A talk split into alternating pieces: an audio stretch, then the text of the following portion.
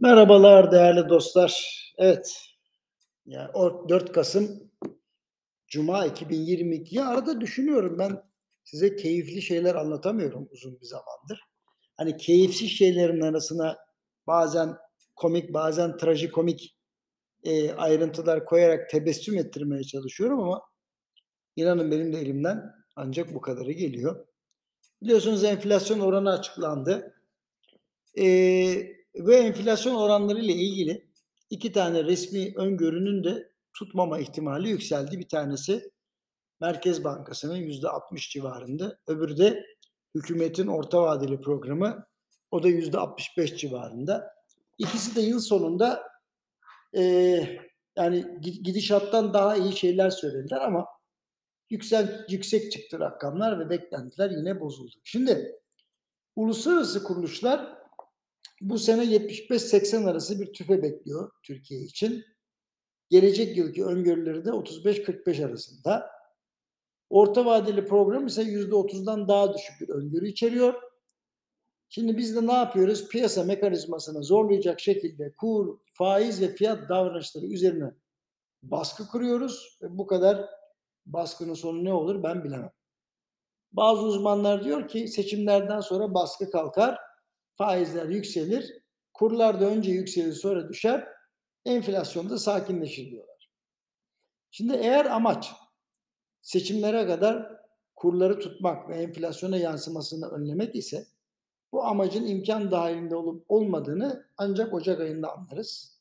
Çünkü ekonomide uygulamaların biliyorsunuz zamana ihtiyacı var.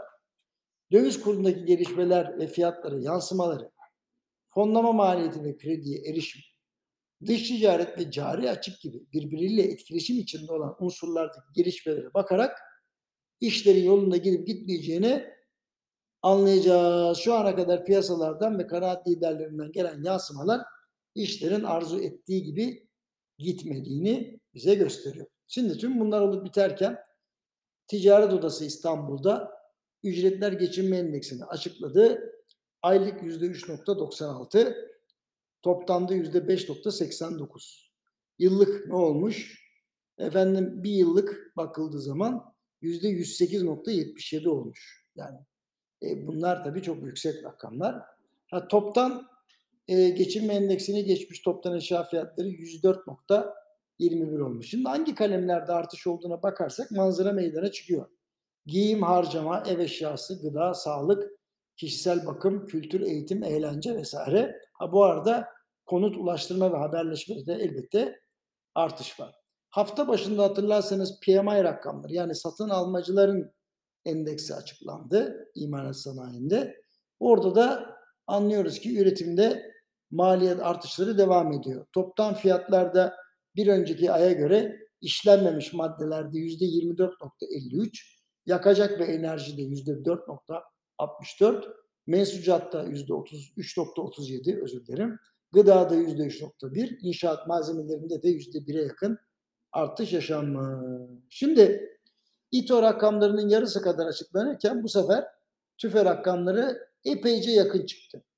Böyle olunca %65'i gerçekleştirmek zor gibi gözüküyor. Hele ki enerji ve gıdada bu yükseliş devam ederse.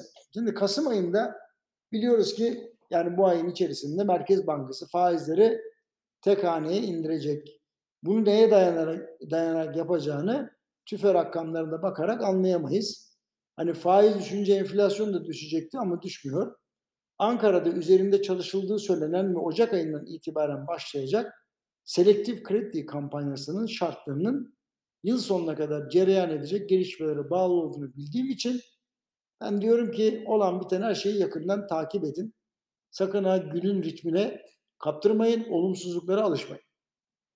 Merkez Bankası'nın hafta başında bir de Bankalar Birliği'ne ultimatom tadında bir yazı yolladığını da biliyoruz, gördük. Mektubun içeriği neredeyse BDDK ile görev çakışması içeriyordu. Demek ki önümüzdeki günlerde Maliye, Hazine, BDDK, Merkez Bankası arasında başka görev çakışmalarına da şahit olacağız. Yani gerginlik biraz büyüyecek efendim. Hepinize hoşçakalın diyorum. İyi haftalar ya da iyi hafta sonları.